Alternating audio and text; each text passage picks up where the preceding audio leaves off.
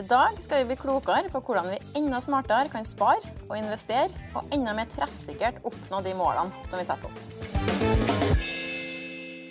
Hei og velkommen til dagens podkastepisode med Ung Arena. Mitt navn er Gisken Aspøl.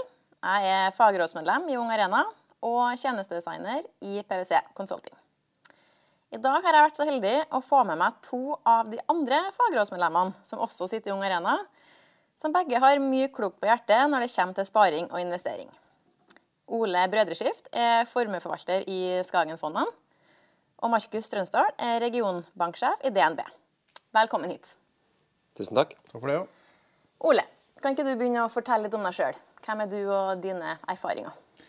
Ja, det kan jeg gjøre. Ole Brødreskift er da navnet mitt. Eh, Min korte bakgrunn er vel at jeg er siviløkonom fra Handelshøyskolen i Bergen. Da Da jeg var ferdig med studiene der, så starta jeg for et verdipapirforetak som holdt her i byen. Som egentlig distribuerer både aksjefond og for så vidt også andre aktive klasser. Om det er private equity eller eiendom eller mye forskjellig. Eh, Jeg jobba der et års tid eh, før jeg starta i Skagenfondene, da, som jeg jobber i i dag. Der er jeg i dag eh, regionsansvarlig formuesforvalter, som det heter. Så er det en fancy tittel. Eh, har egentlig nedslagsfelt eh, fra Trøndelag og helt opp til Finnmark. Og jobber da med mm, ja, salg, rådgivning, formuesforvaltning da, i utgangspunktet til det formuende segmentet. da. Eh, har stor interesse for finans og veldig stor interesse for det vi skal prate om her i dag. Eh, Og det jeg også for så vidt har stor interesse av, er jo for så vidt folk. Eh, eh, Og jobben jeg har til vanlig, så møter jeg jo folk hver eneste dag. Så sånn sett så tror jeg jeg jobber på, på riktig plass. Og så er jeg helt fersk da, i det her fagrådet, så det er jo ilddåpen min. Så det å liksom gå rett på konfekten med podkast, er jo kjempespennende. Så får vi se hvordan det går, da. Det blir veldig spennende. Ja, så bra. Markus? Yes, Markus Strønsdal, eh, regionbanksjef i DNB, da med ansvaret for personmarkedet i Trøndelag. Eh, Jeg har jobba i DNB hele min yrkesaktive karriere, så jeg begynte faktisk eh, på kundesenteret der mens jeg gikk på TØ på høyskolen. Eh, Og egentlig da kaller jeg gått gradene og hadde ulike stillinger både i kundesenter og jobba med lederutvikling. Og ja, senest i bankkontor som både banksjef og regionbanksjef. Har også høy interesse for finans, da, for så vidt, så vi har vel forhåpentligvis noe fornuftig vi kan bistå med på sendinga til interesserte lyttere. Stor trua på det. Jeg tenker vi kan starte litt med å introdusere temaet. Det er jo et veldig interessant tema som veldig mange snakker om for tida. Det er stor interesse rundt eh, sparing og investering. Ehm, så kanskje du, Markus, kan begynne å gi en liten intro til hvorfor valgte vi å snakke om dette det temaet i dag? Ja, det er et godt spørsmål. Det er jo et dagsaktuelt tema. som du sier. Det er jo mye podkaster og skrives mye om sparing om dagen. Og så er det jo med denne Ung-branden fra Ung Arena, eh, så vet vi jo at vår generasjon vi lever lenger enn eh, tidligere. Eh, Vi vet at vår generasjon vil ende opp eh, annerledes med hensyn til pensjon enn generasjonen før oss. Vi kan ikke eh, sette eh, vår lit til at myndighetene skal sørge for at vi har eh, opprettholdt kjøpekrafta som pensjonister. Eh, Og I DNB så har vi en del innsikt på akkurat det, og vi vet at altså, tre av ti yrkesaktive vet ikke hvem får utbetalt i pensjon. Vi vet at halvparten ikke sparer til pensjon. Eh, Og vi vet at to av tre er nødt til å trenge like mye penger da, når de går av og blir pensjonister, som de gjør i dag. Så vi ser at det ikke er, en, altså, det er ikke et veldig stort nedtrekk i, i forbruket. Så det er jo liksom litt sånn kontekst. Det er viktig at unge, eller alle, sparer. Kanskje spesielt unge. Ehm, ja, så det er vel det, årsaken til at dette temaet er veldig hett om dagen. Da. Ja, jeg er helt enig i det. Det er jo det er vel tall som viser det at um, i 1970 så var vel forventa levealder litt over 73 år. Eller litt over 70 år, nærmere sagt 73 år. da. Uh, mens i dag så er forventa levealder eh, vel ti år mer. Kanskje i overkant av 80, 80 år.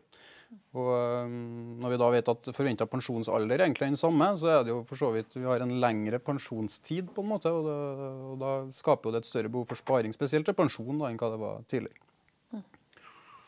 Og så er det jo veldig aktuelt om dagen, som du sa, Gisken. Vi har også innsikt hos oss at vi har 40 000 nye aksjehandelskunder eh, og 55 000 nye fondshandelskunder bare i løpet av fjoråret. Så koronatida har jo satt veldig fart på folks både interesse og vilje til å spare. Ja. Eh, selvfølgelig i sammenheng med lave renter og lite innskuddsrenter på bankkontoen. Um, så vi har jo noen tall som viser at på det meste i fjor så var spareraten da, av disponibel inntekt i norske husholdninger 12% i mai. Og da snakker vi om en økning fra rundt 2,5% før korona. Så det er en ekstremt høy allokering av sparing sammenlignet med tidligere. da. Uh, og Da er det jo kanskje ekstra bevisst, eller ekstra viktig å være bevisst på hvordan man sparer de pengene. pengene. Nå når vi eh, De som snakker om sparing, oppfordrer jo, liksom, som du sier òg, Markus, spesielt unge, til å liksom fokusere på det. Og tenke langsiktig og på pensjon. Og... Men hvordan ser eh, markedet ut? Hvordan er liksom utviklinga, og er det noen trender som kan være greie å informere om? Jeg vet ikke om jeg skal starte. jo, altså, hvis man ser på markedet, aksjemarkedet i dag, så ligger jo det egentlig og svirrer rundt all time high, som det heter. Altså historiske topper. Det er nært, nært toppen i aksjemarkedet sånn sett, i forhold til hva det har vært tidligere. Og Det er jo kanskje litt sånn kontraintuitivt eh, når vi vet hvilken hverdag vi lever i i dag, med en global pandemi på et vis, og så likevel så, eh, så er aksjemarkedet på all time high. Mye av årsaken er at denne pandemien har eh, slått litt skjevt. Det er jo i stor grad tjenestenæringa og gjerne reiseliv og hoteller og den type ting som har fått mye av smellen. Eh, og så har varehandelen egentlig gått eh, ganske bra. Og så er det også en kjensgjerning at siden finanskrisa i 2008 så har jo egentlig markedet mer eller mindre nesten vært en rett strek oppover. Det har vært nedgangsperioder, ja, men trenden har vært ganske tydelig. da, Og de nedgangsperiodene som har vært, har vært veldig kort, så det er liksom ikke så mye som man har reflektert over. Og det har jo i stor grad da, vært eh, stimulert av det lave rentenivået, som stadig har blitt lavere og lavere. og lavere, Samtidig som at eh, man også i de senere årene også har sett det her med som kalles for kvantitative lettelser. At det trykkes nye penger til enhver tid. Eh, og Det er jo litt det som markedet kanskje fokuserer på nå. eh, At denne pengetrykkinga skal føre til prisstigning da, eller inflasjon. Og dermed også høyere renter. og Det gjør at kanskje markedet på sett og vis eh, kan oppleves som litt nervøst nå. da. Man ser gjerne på eksempelvis den amerikanske tiåringen eller den norske tiåringen også, som da er en sånn indikator på, på renta fram i tid. da, Og den, den er stigende. Så jeg vet ikke om banksjefen skal supplere noe her. Nei, det, det var veldig fint, Ole. Så, så er det jo i sånne type scenario, da er det jo typisk altså, at investorene søker mot eh, verdiaksjer kontra vekstaksjer, da, gjerne råvarer og sånne ting. og det har man jo sett, og vi har hatt en periode nå der både ESG og teknologi og sånn har vært veldig, veldig populært, fordi at det priser inn framtidig vekst. Eh, Og vi vet at de typer selskap gjerne ikke liker høyere renter like godt.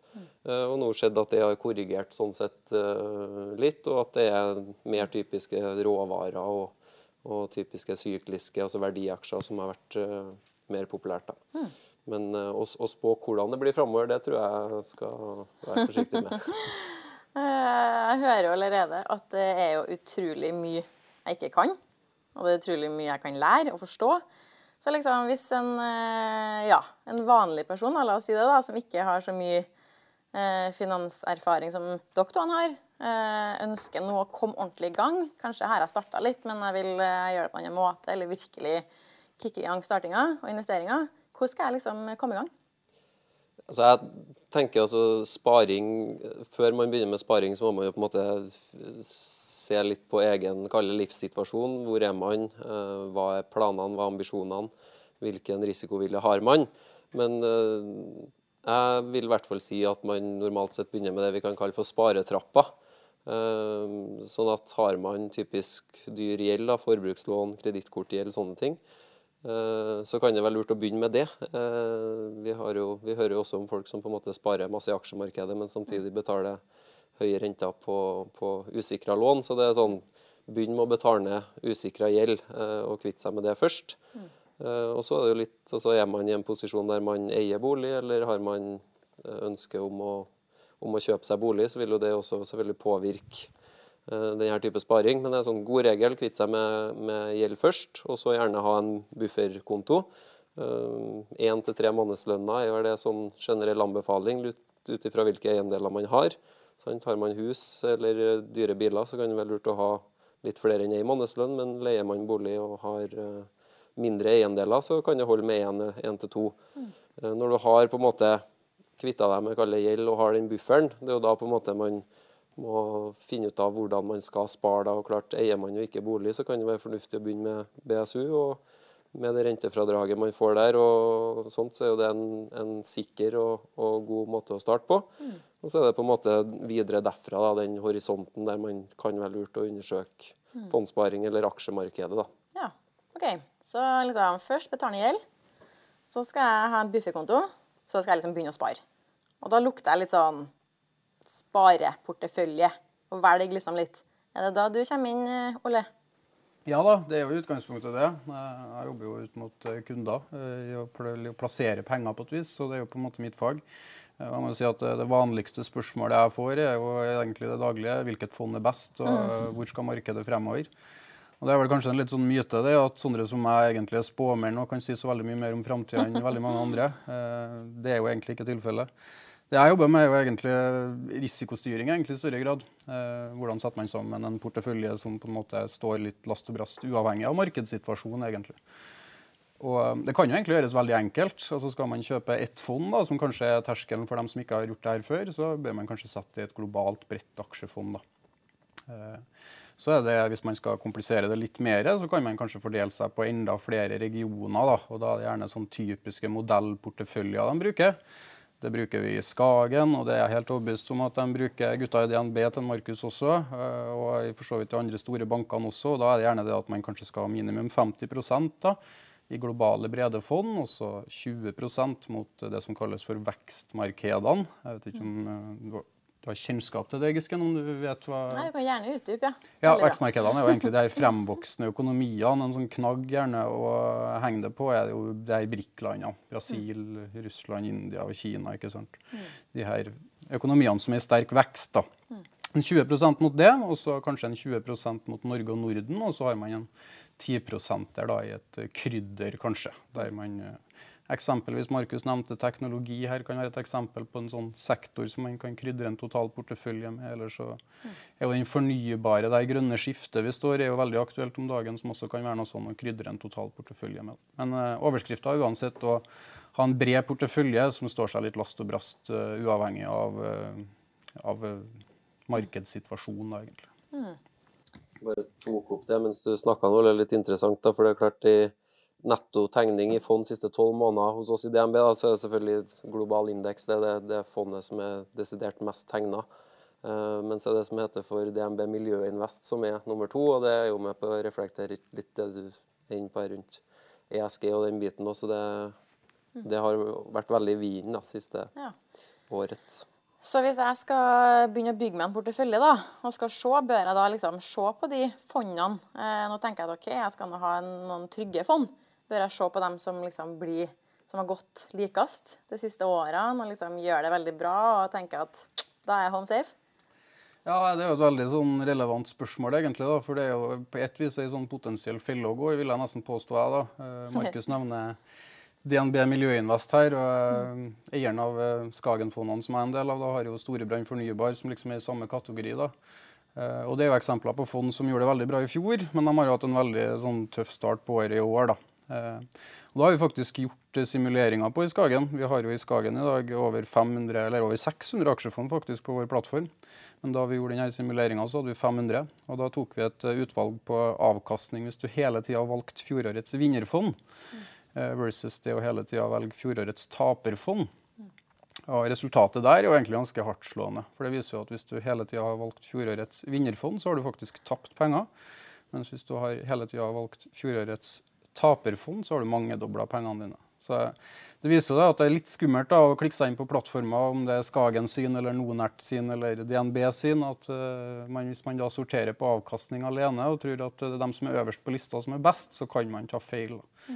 Uh, man kanskje utdype det litt, da, for årsaken til at uh, det er sånn gjerne at de som er øverst på sånne lister, det er jo også veldig spissa fond. ikke sant? Eh, da finner du kanskje sånn litt sånn eh, eksotiske fond som er veldig spissa, og som gjør det veldig bra ett år, og så gjør de det kanskje potensielt dårlig neste år igjen. da. Så jeg vil ikke at moralen skal være her at man skal gå hjem og kjøpe eh, fond som gjorde det dårlig i fjor, men det er i hvert fall noe som gir et bilde på hvordan, eh, eh, man kan velge fond.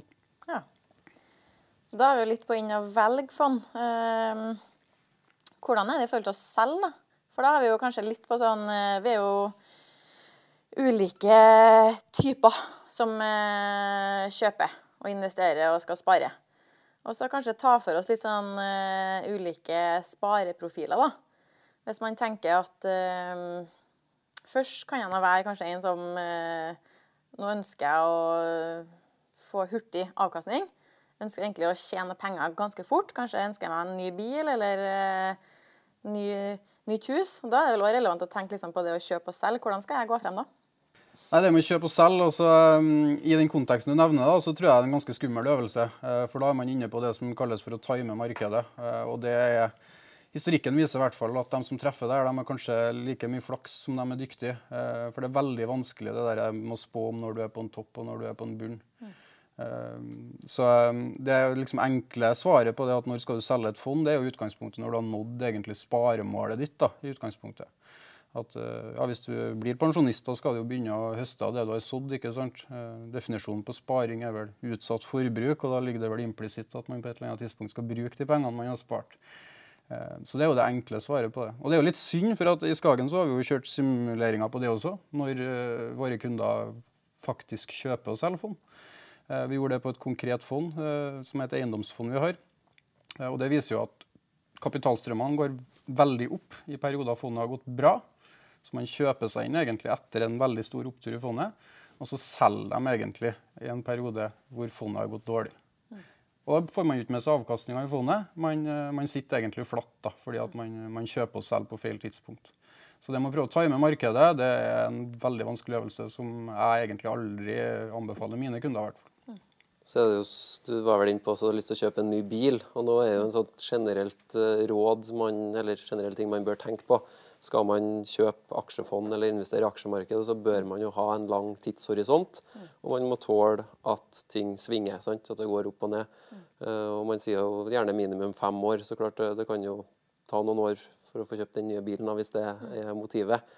Uh, men nei, jeg må bare stille meg bak det Nordles sier der. For det er klart det, det er vel en av de typiske småsparerfellene at man, man velger seg en strategi. Nå skal jeg investere sånn, og så skal jeg sitte over tid, eh, fordi jeg vet at det svinger.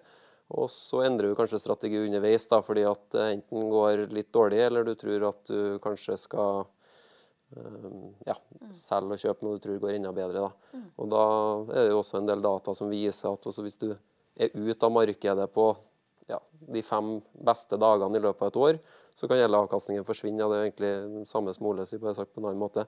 Så klart, vi har jo mye gode eksempler på folk som kjøper, sparer og sitter over lang, lang tid, og som har veldig eh, god avkastning på det. Ehm, så det å ta med markedet er ekstremt vanskelig og ikke noe anbefaling, i hvert fall hvis man ikke vet hvilken risiko det medfører. Nei. Så aksje, Aksjesparekontoer aksjesparekonto er enda enklere og lurere egentlig hvis man tenker langsiktig og ser det litt som en pensjonssparing og kan på en måte investere og glemme det litt noen år. Eh, for så å få med seg hele stigninga. Ja, absolutt. Aksjesparekonto som du nevner, er jo den kontoen som man oppbevarer aksjefond på. ikke sant? Så vi kanskje ikke nevnt det, men det er gjerne det man anbefaler at man, man oppretter da, når man skal begynne å spare i fond. Mm. Um, så, så, absolutt. Og det er jo igjen et godt eksempel. da, altså Jeg må jo innrømme at det er ikke nødvendigvis de kundene mine som har mest kunnskap om finansmarkedet, som har mest avkastning på pengene sine. Det kan gjerne være bestemødre som har putta aksjefondene sine i skuffa si og ikke fulgt med. Eh, og Så tar de det opp når man blir gammel og pensjonist, og så ser man at man faktisk har hatt veldig god avkastning. Og Det er jo nettopp fordi at man ikke har latt seg påvirke av det her da, som gjerne påvirker markedssituasjonen osv. Så sånn som man gjerne gjør hvis man følger litt med og har kunnskap osv. Mm. Mm. Og Det er jo fordelen med et aksjefond. da, Nå ble det jo aksjesparekonto og sånn, men klart, i et aksjefond så har du et utvalg av ulike aksjer. Uh, og Enten så følger du en indeks, da, så at selskapene blir bytta ut, eller så er det en forvalter som sitter og plukker. Uh, og klart, uh, Hvis du tenker å kun kjøpe en enkeltaksje, så kan det jo historien bli annerledes. ikke sant? For ser en jo oversikter over hvilke selskap og på en måte livssyklusen til selskap da, over 10-15-20 år, så er det jo en del selskap som også går konkurs. Så at klart er man investert i en enkeltaksje og legger den i skuffa, så kan det risikere å være være tomt når den åpner skuffa igjen, for å si det på den måten. da. Eh, Så klart, eh, et aksjefond som har eh, en større utvalg med ulike aksjer, er jo da klart ja, bedre risikomessig, i hvert fall. Ja. Her er det jo mye begreper og ord som det er bra dere rydder opp i underveis. Jeg hører jo at dere nevner litt sånn underveis at man skal være litt obs på risiko. Og det kan selvfølgelig være noen utfordringer, og jeg tenker jo mindre man vet, jo kanskje lettere er det å treffe på, eller jo lettere er det å være heldig, da. For som du sier, Ole, man trenger ikke å være Det er ikke nødvendigvis ekspertene som tjener mest. Men eh, kanskje du, Markus, kan begynne å sette litt ord på noen av de her eh, risikoene med å investere. Ja, det er jo litt som jeg sa i stad, så er det jo klart du, du bør jo ha en lang horisont hvis du skal spare i aksjer, og du må tåle å se at aksjene dine svinger i verdi. Eh, og klart nå det markedet vi har hatt det siste året med masse som har gått i været, og du leser rundt omkring med folk som både dobler og tripler pengene sine og sånne ting. Eh, det er nok vanskeligere enn det kanskje kan se ut til. Men klart det er jo den risikobiten som, som du er inne på. Eh, Litt sånn flåsatt sagt, så, så, så kan jo det å ta med seg pengene dine på et kasino og sette alt på rød, så har du jo rett i underkant av 50 sjanse til å doble. så klart, eh, Men du har jo akkurat like stor sjanse for, for å tape pengene. Så mm, den risikosida med det er jo eh, ekstremt viktig, og det er jo derfor det er såpass viktig å vite hva det er man egentlig er horisonten på pengene. Eh, du setter ikke alle pengene dine i en, i en enkeltaksje med høy risiko, hvis du har tenkt å bruke de pengene til, som egenkapital til en bolig om et år. Eller du kan gjøre det, da, men klart da må du også være obs på at eh, det kan være mindre igjen av de pengene du har satt inn. Så um, det risikobiten av det er veldig viktig å ha med seg. Og så er det um, hva skal pengene brukes til, og hvilken horisont har du på det. Og klart sparer ikke du noe mer enn det du um, er en sånn så greie som jeg bruker å si, da, at når man sparer i aksjemarkedet, så bør man ha såpass med buffer at man vet at man ikke er nødt til å ta det ut for å da eksempelvis eh, fikse en lekkasje eller kjøpe seg en ny bil. Eller man må tenke at du har en lang horisont på det, og da vil det jo jevne seg ut mer over tid. Og så sa jo du, Ole, innledningsvis at eh, børsene nå beveger seg rundt historiske topper. Eh, bør jeg da vente med å investere og sette inn penger, eller hvordan skal jeg følge de her eh, trendene? Ja, det jo litt sånn trommevirvel, 1000-kronersspørsmål. da. Det er jo eh, vanskelig å si noe sånn veldig konkret om det før etterpå, egentlig. Eh, Men jeg må jo innrømme at eh, i hele den tida jeg har jobba i den bransjen, her, så har man hele tida snakka om at nå kan det falle. Nå er det Risikobildet er større enn det har vært før. Det har det vært i alle de årene jeg har jobba i bransjen, og det begynner å bli noen år. Eh, Så de som satt på gjerdet for seks år siden, for å si det sånn, og fortsatt sitter på gjerdet, de har jo gått glipp av veldig mye avkastning i den perioden de har sittet på gjerdet. Så jeg vil jo ikke si at det nødvendigvis er noe vinneroppskrift heller. Eh, Samtidig så er det jo eh, gjort eh, simuleringer på folk som hele tida, for så vidt siden, for å være konkret, da, siden 96 bare har investert på typiske topper. da. Eh, og selv om de har gjort det, eh, så har man kommet mye bedre ut av det enn hva man har gjort hvis man har plassert tilsvarende summer i bank. da. Nøkkelen her er jo at du aldri har solgt, da, ikke sant? for eh, det som eh, alltid er tilfellet, har vært historisk i aksjemarkedet, at selv om det ramler, så kommer det alt opp igjen. Så eh, selv om du har liksom truffet spiret på de siste sju toppene eh, i aksjemarkedet siden 96, så har du fortsatt egentlig nesten dobla pengene dine. Eh, så det kan også være noe å ta med seg i, i totalbetraktninga. Men det å liksom jeg blir ikke den spåmannen som sier at eh, markedet skal verken opp eller ned eh, i morgen eller neste måned eller et halvt år eller et år, for det, det kan jeg sikkert treffe på 50% av tilfellene på. Eh, men det er jo liksom igjen, da, det er jo litt det kjedelige rådgiversvaret, men heller ha den langsiktige tankegangen i, i bakhodet. Da er ikke like nødvendigvis timinga for inngang så veldig viktig, da. Det sa vi vel kanskje ikke i stad heller, da, men klart sparer du månedlig, så vil du også få med deg når du kaller prisen er høy og prisen er lav, da, så du vil få med toppene du vil få med bunnene. Så hvis du har fast månedlig sparing til et aksjefond, så vil du kunne ja, kjøpe på ulike nivåer. Og igjen den kjedelige lange tidshorisonten, så vil du jo da få et snitt av markedet med deg, ikke sant. Så ja, jeg skal heller ikke prøve meg på å spå, eh, spå videre. Men, eh, men jeg tror liksom for mange så er terskelen å komme i gang. da. Og hvis du skal sitte sånn, så har jeg jo hørt historier om folk som sitter og venter på at boligmarkedet skal krakke ennå, For fordi det var så dyrt i 2001. Eh, Eller 2000, altså, ta, ta et given number. Men klart, dem, det har ikke blitt noe lettere å komme seg inn i boligmarkedet ved å sitte og vente. Så klart eh, å komme i gang og begynne å spare. og det er litt som jeg tenker, og Du finner hundrevis av forskjellige fond og svaretyper. Eh, velg en risikoprofil man er komfortabel med, og komme i gang med sparinga på et månedlig beløp. Mm. det er liksom Det er viktigere. Da er jo egentlig du litt inn på eh, det jeg tenkte å spørre om litt sånn avslutningsvis, da, Markus. Fordi nå har, jo, nå har vi jo, vi som har hørt på, og jeg, da, lært masse her. Eh, så tenker jeg liksom OK, hvis jeg sitter da og tenker at nå skal jeg komme i gang, eller eh, jeg har nå begynt å spare, men nå skjønner jeg jo at kanskje jeg skal gjøre det litt annerledes. Hva er liksom noen key takeaways som jeg skal ta med meg fra session i dag? Jeg tror nok at liksom, hoved-key takeaway må jo være å komme i gang. Da, ikke sant? Og det trenger ikke å være noen stor terskel. Man kan opprette i Skagen f.eks. Så er jo minste sparebeløp månedlig på 250 kroner. Det har kanskje de aller fleste råd til. Eh, og det er også sånn at eh, det som vi ikke har prata om, noe som også er veldig viktig, da, det er jo den rentes renteeffekten. ikke sant? Og Den betyr jo at jo tidligere du kommer i gang, Eh, jo mer gjeldende blir denne effekten. Da. Og den er ganske enorm. Den er nesten litt sånn corny å forholde seg til hvis man liksom trekker horisonten langt. da. Eh, så, så, det å komme i gang det tror jeg er viktig. Og så trenger man ikke å tenke at man skal liksom putte alle sparepengene inn med en gang. Eh, men at man liksom tar steget ut og finner ut at det her faktisk ikke nødvendigvis er så farlig som kanskje fortsatt henger igjen litt sånn mytisk at det kan være. Mm. Ja, og spareraten din, altså hvor mye du sparer. Klart øh, det er mange som er misfornøyd med avkastningen de får, for det blir så lite penger. Men øh, avkastningen er jo et uttrykk for altså en prosentsats. Flåsatt sagt, da. Men klart, om du har 10% på et år, så det er kjempebra. Men om du har spart 1000 kroner, så er det kanskje ikke den hundringsen så mye å skrive hjem om. Men å være bevisst på kanskje ha et budsjett, ikke sant? ha kontroll på hva pengene dine brukes til, og klare å betale seg sjøl først. da.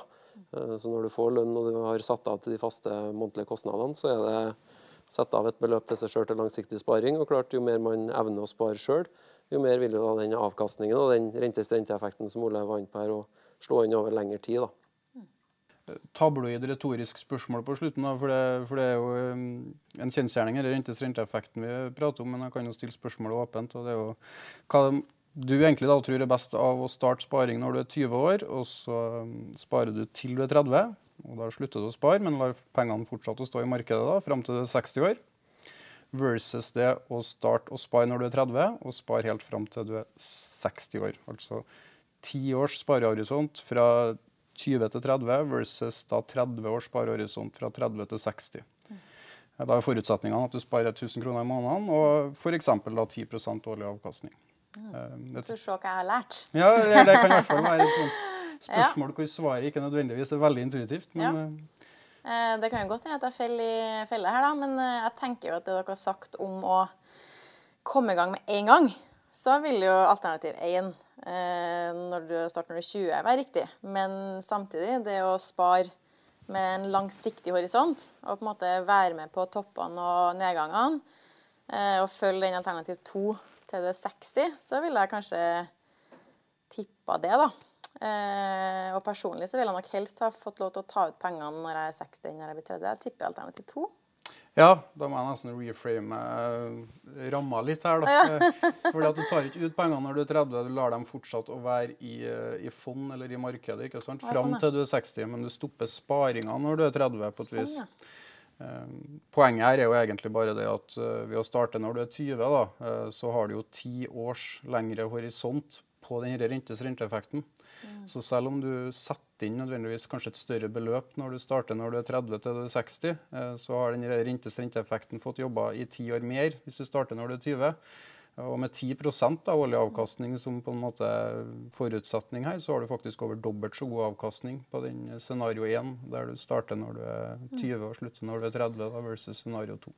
Samtidig må jeg være tydelig på det da, at det å liksom starte å spare veldig mye når du er 20, det er kanskje ikke så relevant heller. Jeg var i hvert fall ikke noen sånn supersparer når jeg var 20 år, mm. eh, for da er man i et litt annen fase i, i, livet på et vis. Men det er i hvert fall eksemplifiserer det her med at rentes renteeffekten den er helt enorm hvis at du starter så tidlig som mulig. i hvert fall. Ja, Men er det sånn egentlig da, at sier du da at når jeg da er litt over 30 nå, og hvis jeg da ikke har kommet i gang, er da liksom løpet kjørt? Det Eller bør jeg da tenke at uh, den startpotten du snakker om, da, rentes renteeffekten, at jeg kanskje bør uh, kjøre på med et størst mulig beløp fra start?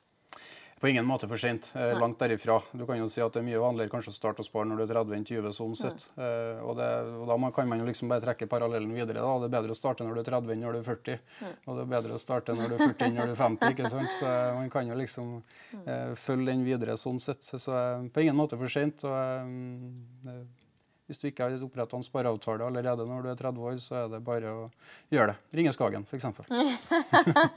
Så er du da tydeligvis eh, mer fram i skoen enn veldig mange, som sagt. fordi det, det viser jo seg at folk uh, utsetter det med pensjon, og man har lite kunnskap om det og tenker at det er noe vi, vi trenger ikke å forholde oss til når vi er unge. Og det er også folk som begynner å ja, nærme seg pensjonsalder, kanskje mer enn oss, da, som, som begynner å tenke på at dette kan vi, kan vi må begynne å tenke på nå. Og det er klart, når du begynner å nærme deg 60 og så begynner å tenke på det, så, så er det litt senere enn å begynne når du er 30, for å si det sånn. Så klart, det, det, det er et litt sånn hull, og de fleste skyver det litt foran seg. og vi vet at det er et kunnskapsgap eh, når det gjelder. Så fint å sette på agendaen. Og alt monner. Altså, det er viktigere å komme i gang enn å ikke komme i gang. Det tror jeg er en sånn fin oppsummering. Ja, det er kjempebra. Så det er bare å, etter man har hørt det her nå, legge på og gå rett inn og begynne å spare og investere.